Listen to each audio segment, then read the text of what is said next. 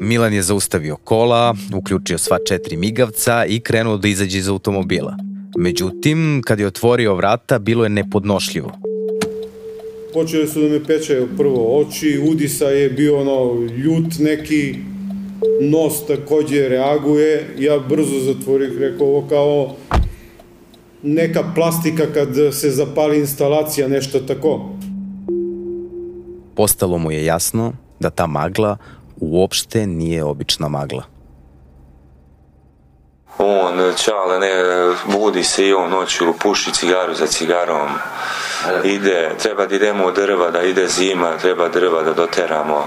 Niko nije voljan za nikakav rad, samo se misli o tome.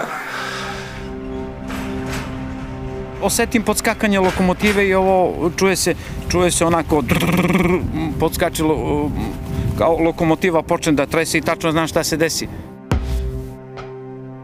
Te hladne zimske noći popio je lekove, priključio se na kiseonik i legao da spava baš, baš rano.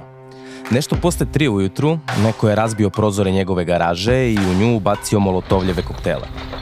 Nisam čuo ja ni puc, ja nisam ja čuo ni požar, ni bacanje tih baki, ništa nisam čuo.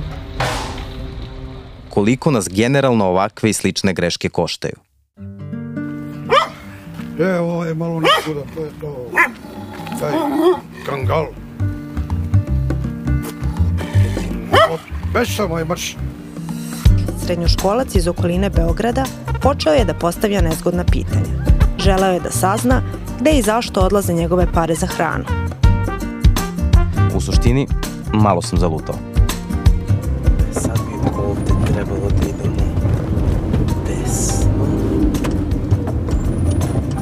Gde? Ti slušaš Glasnu žicu, novi podcast CINSA o tome kako se javni novac upotrebljava i zloupotrebljava i kako mi možemo ili bi bar trebalo da to zaustavimo. Ja sam Jovana Tomić. A ja Stefan Marković.